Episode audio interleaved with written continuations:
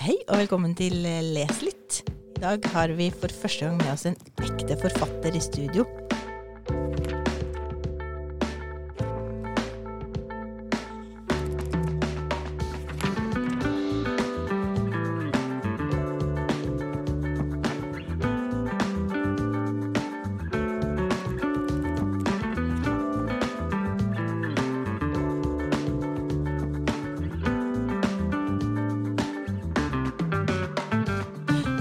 Siv velkommen til oss. Tusen takk, det er veldig koselig å være her.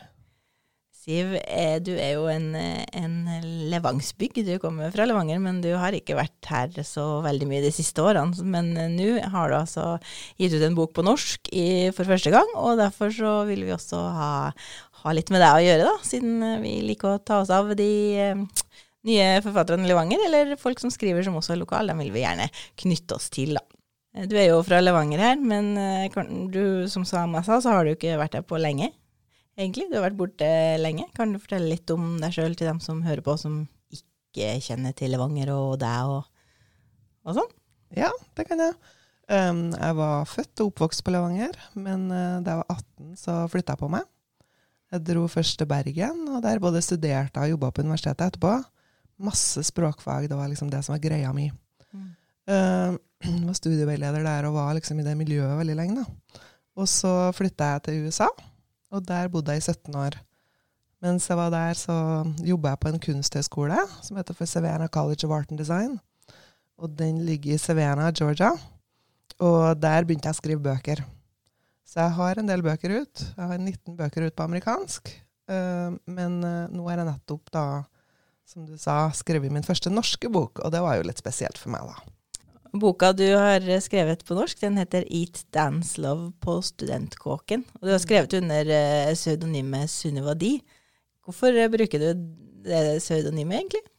Det er fordi at uh, når man bor i USA, så er det mye rare folk. Ja. Og det er noen som uh, skrev det i bok, så begynner de kanskje å slå deg opp, og så begynner de å finne ut at kanskje de skal stake deg. Mm. Og da så er det best å uh, ha et annet navn enn det man egentlig har, da. Ja. Så, og det, siden det, det pseudonymet mitt er såpass godt kjent, i hvert fall i USA, da, så tenkte jeg det er greit også å skrive også under pseudonym i Norge. Mm. Eh, boka di som har kommet ut på norsk heter Eat, Dance, Love på Studentkåken, og er vel både en eh, romantisk og humoristisk beretning om studentlivet i Bergen. Eh, vi møtte Isabella som har flytta fra Bærum til Bergen for å studere sammen med bestevenninna si, og så flytta de inn på et studenthus der hun deler felles arealer med mange andre, og et typisk kollektiv som mange av oss kanskje opplevde under studenttida.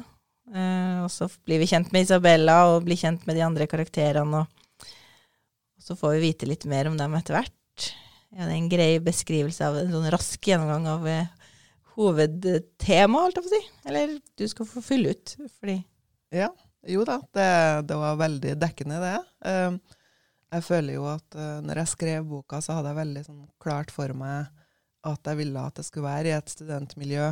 Og det er jo eh, fra et sånt miljø jeg har skrevet veldig mange av bøkene mine før. mm. Men at det skulle være et norsk dette. Og um, i tillegg så er det jo det som jeg kaller for en, eller det vi kaller i USA for en ensembleroman. Mm. Og det betyr at det ikke bare er én hovedperson. Ja, Isabella hun er hovedpersonen i så måte, men det er veldig mange andre bipersoner som er der, som er veldig sterkt inn. Yeah. De har en stor rolle, litt sånn som i Friends, eh, TV-serien Friends, og litt sånn som i Skam også. Mm.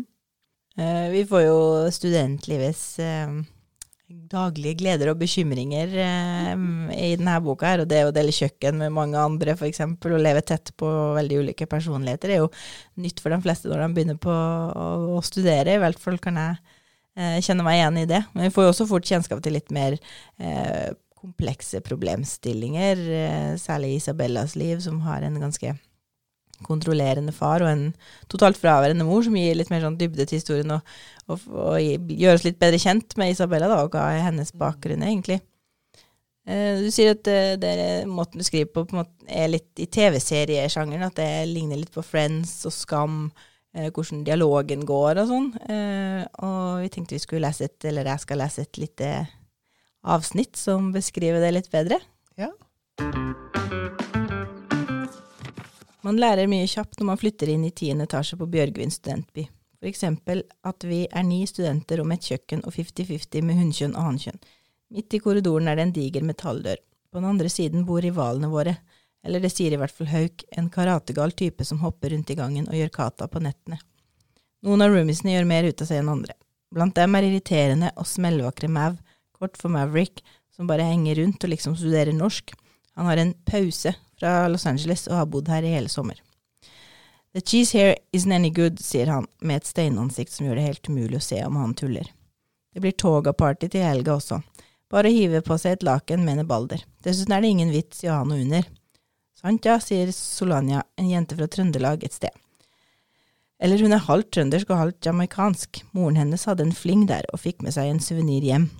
I dag har suveniren langt, ransvart hår og en delikat brunfarge jeg regner med varer året rundt. Ikke hør på ham, eh, legge Sol til. Han er puppegal. Sant ja, Balder? Du kommer ikke til å drikke engang, du, for du blir så opptatt av å følge med på om noe hopper ut. Sol er god på å lage hårene i tegneseriegrimaser, viser det seg. Kjeft, kommer svaret fra Balder. Embla og jeg har sjekket ut Bergen sentrum. Vi fikk det unnagjort fort, en sånn turistsightseeing til fots. Tok noen snapper og et par andre streitere bilder jeg sendte til pappa. Jeg fikk noen forbipasserende til å ta pappafotoene på Fisketorget. Det var ikke så smart, for nå planlegger han en sporenstreks helgetur. Hans ord. Da skal han ligge på Bergen hotell og få Mabel, sin londonske sekretær, til å tromme sammen mesterkokker som kan steke fisken etter at han har håndplukket den på Fisketorget. Pappa, jeg har det for travelt, lyver jeg, for timene mine starter ikke før neste uke. Det vet han og biter ikke på. Kompromisset blir høstferien. Perfekt. Da har jeg god tid til å snike meg unna. Har du spist frokost ennå? spør Embla gjennom en gløtt på døren. Nei, har du eyelineren min? Jeg blunker bort et øyrysk. Med backup-eyelineren blir jeg ikke sjokkerende vakker i dag, og maskaraen min synger på siste verset. Nei, men gjett hva, hun Helene som bor rett ved siden av kjøkkenet, vet du. mm. Hun har invitert alle på omelett til frokost. Fantastisk, hæ? Tenk om det skjer ofte. Da slipper vi å lage mat, omtrent. Embla gliser med leppestift på en tann. Det er ingen tvil om at hun har eyelineren min, og den leppestiften kjenner jeg igjen også. Veldig heldig, svarer jeg og rusler etter henne. Vi møter mange ulike karakterer i boka eh, di. Er alle de her noen du sjøl studerte sammen med? Kokke-Helene minner i hvert fall meg om om jeg delte hybel med på Moholt. da. Er det noen av karakterene som er du, eller er det noen du kjenner, eller? Det er ingen som er helt meg, eller helt noen jeg kjenner. Men uh, jeg tror nok at akkurat denne boka her er kanskje den mest selvbiografiske likevel. Fordi at jeg jeg, jo, jeg, studerte jo lenge i Bergen. Jeg traff på mye artige folk og mye rare folk. og jeg var sikkert ikke helt god sjøl heller, bestandig. Men um, han Hauk, som driver med kata i gangene, f.eks., mm. karategal, han uh, kjente jeg. Ja. Det var en person som jeg ser for meg. Selvfølgelig så utvikler han seg litt annerledes i boka enn han gjorde i virkeligheten. Mm. Men uh, jo da, masse likhetstrekk der. Eh, boka di gir ikke leseren så mye dødtid, hvis man kan kalle det det. Det er ikke lange beskrivelser av naturen og omgivelsene, eller sånn tankespinn. Eh, indre dialog kanskje ikke like mye av. Eh, vi kommer rett inn i dialog med kjappe replikker, og stor del av boka er dialog mellom folk, da. Eh, er det et bevisst språklig grep fra din side, sånn at det minner litt om film, TV, sitcom, som vi, som vi snakka om i stad? Absolutt. Um, det er flere grunner til det. da. Det ene er jo at i USA så er vi kanskje 200 000 forfattere som kjemper om leserne. Mm. Og da er det om å gjøre at de blir hooka, altså blir helt hekta fra første øyeblikk. Derfor heter bl.a. det aller første setninga i ei bok det heter for en hook, fordi at du skal hekte folk med den. I tillegg så ser jeg, ser jeg det jeg skriver. Jeg har handlingen i hodet etter hvert som den skjer, og jeg ser for meg det som foregår. Og um, da blir det veldig naturlig å skrive like visuelt som man ser handlinga, da. Og um, det her med små, korte replikker osv., uh, det fører jo til at det blir lett å se for seg det hele som en film, da. Mm. Tittelen er både på norsk og, og, engelsk. Det er vel heller ikke helt tilfeldig? Nei, det er det absolutt ikke. Um, jeg så jo det når jeg, jeg bodde jo i USA i 17 år, og jeg er lingvist sjøl. Det vil si at det er det, det, språk som er greia mi, da. Mm. Og når jeg kom tilbake igjen etter 17 år i, i, i USA, så var jeg veldig bevisst sjøl på at jeg ikke skulle uh, høres ut som Mr. Nelson når jeg kom tilbake igjen til Norge og bare snakke med masse norsk, eh, engelske ord og uh, aksent. Mm. Uh, men så oppdaga jeg jo det at folk her gjorde ikke det sjøl. Det var ikke bare ungdommene som snakka med engelsk interferens, som vi kaller det. Um, det gjorde også de voksne. Man Mhm. har hele TV-serier, sånn komiserier som Side om side, hvor det går kjapt fra engelsk replikk til norsk til engelsk hele tida. Og um, til og med politikerne snakka med engelske ord på TV-en. Jeg var, helt, jeg var kjempeoverraska. Ja. Og det er ikke at jeg, jeg dømmer ikke det i det hele tatt. Det, jeg bare ser på det som et språk i utvikling. Um, jeg har ikke noe negativt forhold til det. Heller ikke noe spesielt positivt forhold til det, men jeg bare oppfatta at sånn var det. Mm. Så før jeg skulle begynne å skrive denne boka her, så lurte jeg på om det fantes en ungdomsserie hvor jeg kan, på TV-en hvor jeg kunne høre hvordan man snakka. Eh, og da ble jeg anbefalt å se Skam. Og det var jo kjempemorsomt, for at når jeg begynte å se den filmen, den, den serien, så så jeg at eh, den var lagt opp sånn som veldig mange av mine amerikanske bøker var. Ja. Med hovedpersoner som man følger i én sesong, og så neste sesong følger man en annen hovedperson og ensemblet rundt dem. da, Fikk lov å være med videre fra sesong til sesong. Og Så da satt jeg der da med datamaskinen min og hadde et uh, work, eh, Word-dokument åpent, og skrev ned gloser som var lov å bruke på, noe, Ja. på engelsk. okay. Og uh, til slutt, etter seks sider, så slutta jeg å skrive. ja. For da oppdaga jeg jo det at Såpass. alt var lov. Ja. Ja, det er jo en tendens eh, tydeligvis blant jo yngre og yngre, yngre unger faktisk, som bruker mye engelsk i, i dagligdagsspråket sitt. Mm. Mye for dem, tror jeg, gjennom spill og sånn, at man må kommunisere på engelsk der. Og også at de ser jo mye De ser jo mye YouTube og TV, og det begynner med mye tidligere med engelsk. Altså den kontakten med det engelske språket er mye enklere nå da enn det var når jeg vokste opp, eksempel. Ja. Vi lærte det på skolen bare, og det var veldig sånn stivt og rigid, da. Ikke minst det- når jeg vokste opp. Ja, er ikke det samtidig? Enda lenger siden. Jeg har ikke sagt noe om alder her i dette rommet. Aldri hemmelig. Nei da. Ja. Men det er jo interessant det, det med det språket, og det, det, det blir jo debattert litt i samfunnet hvor er det greit å, å bruke engelske ord, og skal vi, Mm. blir språket vanna ut hvis vi begynner å bruke engelsk, eller er det greit, liksom? Det er jo Mm. mange forskjellige meninger om det, da. Det er det. I USA så laga de jo en versjon av Skam, Ja. Men det ble jo noe som ble litt for heavy for USA der, eller litt av handlinga om at det, det måtte skrives litt om for at det skulle passe inn i USA. Mm. Det var mye det at ungdommene var veldig løsrevet fra foreldrene enn hva som kanskje er vanlig i, i USA i samme aldersgruppe. Mm. Men Isabella hun har jo en far som, som kanskje er mer vanlig å finne i USA enn her i Norge. Han eh, kontrollerer dattera, vil styre litt hva, hva hun studerer, og Mm. hvem hun er sammen med, og truer med å på en måte cut her off hvis eh, hun ikke ha, gjør som han syns er best. da. Mm. Er han litt inspirert av amerikanske foreldre, eller? Han er nok det. Og um, selvfølgelig så jeg mye av det i USA, både som, både som studieveileder der uh, på en, et college, og når jeg hadde unger sjøl i skolen. da. Mm, Ja. Jeg så hvor veldig mye mer de ble styrt der. Og uh, på uh, Savannah College of Art and Design da, så snakka vi om helicopter parents. Mm. Og det er jo helikopterforeldre da, som henger over ungene og, og styrer. Og hvis det er noe som ikke går bra, så svuper de bare ned, og så ordner de opp, og så drar de igjen. Ja. Og, um, men jeg så jo det når jeg kom tilbake igjen til Norge, at det blir litt mer sånn her enn det var før. Jeg hadde jo veldig frihet sjøl. Uh, Mm. når jeg begynte på um, universitetet, da fantes det jo bare én telefon i oppgangen. Ja. Uh, det var ikke akkurat noen mobiltelefoner på den tida der. Og man skrev brev til foreldrene sine på, eh, fra Bergen til Levanger. Mm. Uh, sånn er det jo ikke lenger her heller. Og jeg ser jo det at foreldre her nå betaler bl.a. for leiligheter til ungene sine, hvis de bor i de store byene spesielt. da. Mm. For det er ikke like lett kanskje heller å klare seg sjøl som det var. Nei, det, det er jo mange som Altså, det er dyrt å, å bo i Norge og leve, da. Men det er det. Men samtidig så er det jo helt klart at uh, faren til Isabella er litt ekstrem. Ja. Og jeg håper at det ikke er veldig mange som opplever det hun opplever i så måte. Neida. Og så har vi jo vi har jo velferdsordningen i Norge som gjør at du ikke er økonomisk nødvendigvis avhengig av foreldrene dine, da, som blir Mm. helt annerledes, tenker jeg. Mm. Um, du introduserer jo en ny litterær sjanger med denne boka. For i USA så kalles eh, sjangeren du har skrevet innafor eh, new adult. Ja. Eh, I Norge så kaller du det en ung voksen. Kan du forklare litt om hva det innebærer? ja, jeg er veldig Jeg brenner litt for den sjangeren her. I, um, i USA så hadde vi um, sjangeren young adult, og det tilsvarer ungdomsbøker i Mm. Norge. Og så mangla det en sjanger imellom der. Og for et vel et tiår siden så var det en av de små, men små kvalitetsforlagene i USA som, som etterlyste en eh, sjanger som gikk mellom ungdommer og voksne.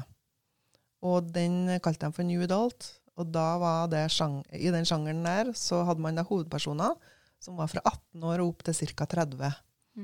Og den var jo mynta ikke bare på lesere i den alderen, men alle egentlig mennesker som husker den tida som om den var i går.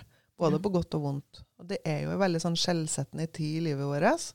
Og det er kanskje derfor at folk er så glad i Friends, f.eks. En serie som, ja, som Ja. har liksom uh, tålt tidens tann, da. Og um, jeg tenker at hvis jeg skal ha et sammenligningsgrunnlag med en film som uh, nordmenn kjenner godt i dag, da, som godt kunne ha vært ei ung voksenbok, så er det 'Verdens verste menneske'. Ja. Vært, vi snakker ofte om eh, bok som blir film, men det kan jo gå an å snakke om film som blir bok òg. Ja visst. For hos oss så går det jo gjerne direkte fra ungdom til voksenbøkene. Vi har jo to avdelinger på biblioteket, ungdomsavdeling og voksenavdeling. Det har ikke Ja. noe midt imellom. Men uh, mangelen på en sånn sjanger i Norge kan det føre, føre til at mange bøker som står i, i ungdomsavdelinga på bibliotek og bokhandler, kanskje går tapt for voksne lesere, da. Ja, Det Eh, tror jeg òg. eller motsatt, selvfølgelig, at eh, masse bøker i kan passe, eh, i voksenavdelinga kan passe til, til ungdom, men de plukker jo ikke dem opp, for de føler kanskje, at de skal gå dit, og vi skal gå hit, og så, sånne ting. Nemlig. For når vi snakka jo tidligere en gang her om vi gikk gjennom enkelte forfattere som, eh, som i USA vil havne i new adult-sjangeren, men vi fant dem jo både på voksenavdelinga og på ungdomsavdelinga på Levanger bibliotek. Ja, vi gjorde det. Det var en spennende liten skatteeventyrreise i bokhyllene der. Ja. Eh, Vi snakka jo om at Skam ble litt for drøyt eh, for USA, at de måtte endre litt på for å kunne tilpasse det amerikanske forhold. Eh, Jeg har tenkt på, kan det være grunnen til at new adult-sjangeren finnes i USA? At fordi det er sjanger som vi her hjemme tenker er helt grei for ungdom på ungdomsskole videregående å lese, mens etter amerikanske standarder så er det kanskje for voksen for den aldersgruppa? Mm. Ja, det kan være litt av grunnen til at det ble etterlyst at man, begynte, man starta opp den sjangeren i USA. Eh, det kan også være, tror jeg, da, at um, mange ganger når ting skjer i USA, så tar det noen år før det forplanter seg videre til Europa. Og jeg håper jo at det er det som har skjedd, da. At um, ung voksen eller new adult kommer til Norge etter hvert. Vi har jo bøker fra new adult-forfattere som finnes i Norge, og som er oversatt til norsk. Ja. Et par av dem. En av de beste er jo Colleen Hoover. Hun var en av dem som starta sjangeren. Og ei bok der som jeg anbefaler hvis folk er interessert i å lese noe annet enn min norske bok, da, så er det um, 'Stygg kjærlighet', heter den på norsk.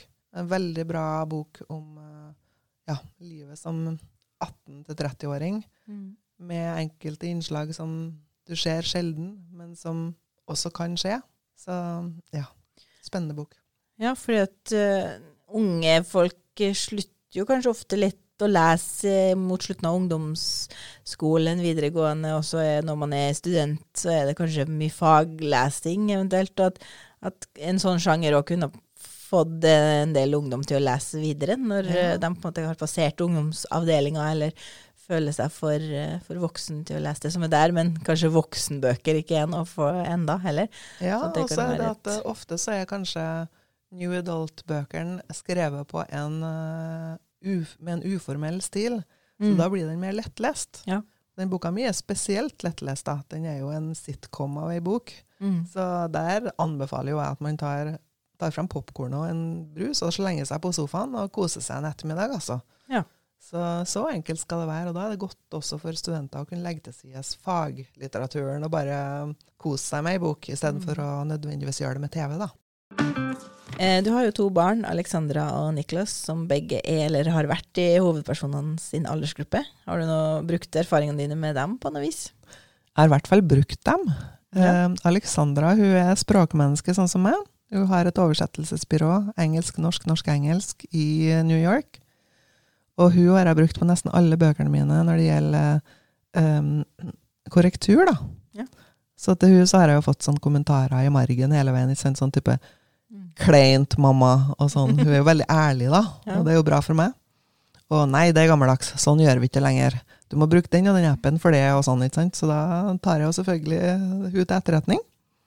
Og min kjære sønn, han er eh, lyddesigner og komponist. Han er producer, altså sånn som han Maverick i boka. Mm. Og jeg har jo sett han på nært hold når han holder på å, komponere. Det begynte han jo med når han var 15-16 år gammel. Og Da satt han jo der med lydutstyret sitt som jeg ikke skjønte noe mye av. Og så fikk jeg komme inn og høre på prosessen og høre på den endelige, den endelige låten han hadde laga ferdig, osv. Så, videre. så der er det Ja. Der har jeg definitivt brukt direkte erfaring som jeg har, da. Jeg har et eksempel fra boka òg, der du har eh, på en måte beskriver Mavericks eh, arbeidsprosess, men kanskje er veldig inspirert av Nicholas sin, da. Ja, jeg kan ta oss og lese litt fra det. Vi hører på Avicii, Swedish House Mafia. En ny fyr som er i ferd med å klatre i USA, og en gammel kjenning, Tørkum. Han har jeg likt siden jeg var tolv. Maverick ligger med beina opp etter veggen og stirrer drømmende i taket. Telefonen min døde akkurat, så musikken gikk inn i en bråstopp. Jeg rusler inn på soverommet for å plugge den inn. Finner frem noen neglelakker fra kofferten, men klarer ikke å bestemme meg for svart eller grønn. Valgets kvaler avhenger av humøret, så jeg setter meg i vinduskarmen for å kjenne på det. Maverick nynner fra stua. Jeg har ikke hørt ham nynne før. Jeg lister meg mot døren og kikker inn. Med håret i rotete floker rundt hodet ligger han i samme stilling som da jeg gikk. Han gjentar en strofe. Jeg blar gjennom låtene hans mentalt. Mav rynker brynene og gjentar den igjen, denne gangen med en nedoverkrøll på slutten. Så langt minner melodien om Take My Lead, men når han fortsetter, med fingrene på usynlige lufttangenter, innser jeg at jeg aldri har hørt denne sangen før. Er dette komponisten Gastronic i studio? Jeg gir meg selv til kjenne og lener hoften mot dørkarmen. Han slutter å nynne og ser opp. Et svakt smil leker fremdeles i munnvikene hans. Jeg dukker tilbake til soverommet, henter laptopen hans ut av bagen og legger den forsiktig på gulvet ved siden av ham. Jeg løfter fingeren mot munnen og mimer hysj, så tar jeg en øl og setter meg til rette i baren. You just gonna sit there and watch me? Jeg nikker, mimer hysj igjen og peker på laptopen hans. Mav himler med øynene, men hører etter. Han åpner den og setter seg til rette med beina i kors og ryggen mot sofaen. Han har ikke med seg øreklokkene, og det passer meg utmerket. Lydene hans strømmer ut i rommet. Han sampler fra en kvinnelig operasanger, en samarbeidspartner fra Belgia, forteller han, og lydbildet vokser seg tykkere og rarere, med en bass i bunnen som får meg til å rugge på stolen. Jeg fylles plutselig med andektighet. Tenk, her sitter jeg og hører på kreativitet i full blomstring. Denne sangen kommer til å ende opp på hitlist hitlistene. Den kommer til å ta horder av mennesker over hele verden med på en oppdagelsesreise langt inn i Gastronics og deres egne følelser. Og kanskje er det noe med hva jeg har opplevd sammen som har inspirert ham? This is crap, sier kjæresten min. Gjør noen store bevegelser over tastaturet og trykker hardt på en siste tast. Så smekker han igjen Mac-en og slenger seg ned på gulvet. Wait, hva var det som skjedde nå? Du slettet ikke filen, ikke sant? Blikket hans glir mot meg. Oh yeah, it's gone, baby. That was the biggest pile of shit I've ever heard. Du har jo lenge skrevet i USA og gitt ut eh, 19 bøker. Eh, opplever du noen forskjeller mellom norsk og amerikansk forfatterliv, eller hva som utgis, eller hva publikum vil ha, eller sånne ting? USA er jo kjempestort, så det er jo veldig variert hva folk vil ha. Mm. Men eh, eh, ja, det går veldig mye på e-bøker der. Ja. Veldig lite altså Bokhandel etter bokhandel blir nedlagt i USA, eh, og det er jo trist. Men eh, samtidig så er jeg veldig glad for at det er så lett å, å, å få tak i bøker, da. Ja. Man kjøper seg bare en Kindle eller en et annet lesebrett, og så er det bare å laste ned bøkene. Mm.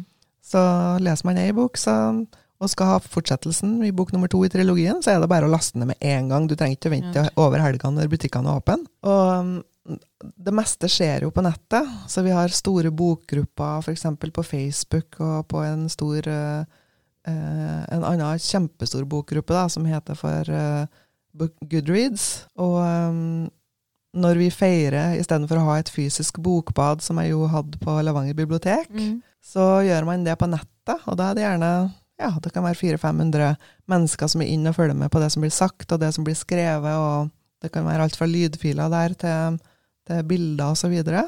Så um, veldig, veldig forskjellig, ja. Ja. Vi kommer jo til å, å følge etter her i Norge, og e-bøker og er jo på vei inn for, for fullt. Men vi henger nok sikkert litt, litt etter, vi òg, som Ja. uh, alltid med det som skjer over there. Men jeg syns jo det var veldig, veldig artig å kunne gå inn på en bokhandel på Magneten og se at der sto boka mi blant Mm. anbefalte nyheter. Jeg var innom og sjekka den ofte, for det var så koselig å se. Det Det hadde jeg ikke opplevd før. stas, da. Det er det. Jeg har hørt rykte om at det kanskje kan bli TV-serie ut av boka. Ja, det er jo helt fantastisk. Jeg har et bitte lite forlag. Jeg kaller det for et butikkforlag. Eh, Det heter for Fair. Og det valgte jeg meg fordi jeg trengte en liten sånn kickstart på å um, skrive en norsk bok. Da kontakta jeg dem, fortalte hvem jeg var, og spurte om det var greit at um, jeg skrev en bok for dem. Og det sa de ja til. Og da viste det seg det at uh, de har jo kontakter i filmbransjen, og på grunn av det så uh, leste Halvard Brei- Brein, som laga Burning-filmene. Mm. Han leste manuset før det var utgitt i bokform, da. Og han tente på, på ideen om å lage en TV-serie. Ja. Så han har kontakta eh, Nordisk Film, og dem eh, Alt ser veldig bra ut. Jeg har ikke skrevet under noen kontrakt foreløpig, men foreløpig så ligger vi på 90, 90, 95% sikkerhet om at det kanskje blir en TV-serie av boka. Um, er det noen fortsettelse? Kan vi vente oss noen fortsettelse? Eh, historien om Isabella slutter jo ganske brått, syns jeg, da, uten å avsløre noe. Så, så slutter det jo litt med noen ubesvarte spørsmål, og, og sjøl så sitter jeg jo igjen med Jeg lurer på hvordan det gikk, og hvordan ble det med den mora, og ja, ble det noe kjærlighetsforhold videre? Så kommer det noe oppfølger? Ja, altså, så bra at du hadde den følelsen der. Jeg liker jo å ha et par litt sånn løse tråder, ikke rene cliffhangers, som vi kaller det på engelsk, hvor man liksom bare går rett på en vegg på slutten av boka. Mm. Jeg liker happy endings òg, Ja. og det har du jo her. Men samtidig så er det litt sånn som livet, at du har um, Ja, man vet ikke hvor livet går videre hen, og så noen løse tråder må det være. I tillegg så holder jeg jo på med bok nummer to i serien, da. Og jeg kom gjør et stykke på den. Mm. Og um, ja, den kommer sikkert ut en gang til neste år, tenker jeg.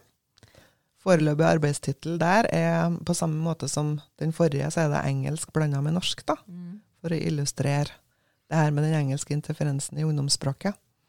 Og um, den heter for Friends with Benefits på Studentkåken. Og da skal jeg love deg at det blir forviklinger. Det blir det, ja. ja. Det blir spennende, så følg med. ja. Siv Lyngstad, takk for at du ville komme til oss i Les litt. Vi ønsker deg lykke til videre med dine prosjekter, og så venter vi i spenning på ny bok og kanskje TV-serie. Tusen takk for det, og takk for at jeg fikk komme.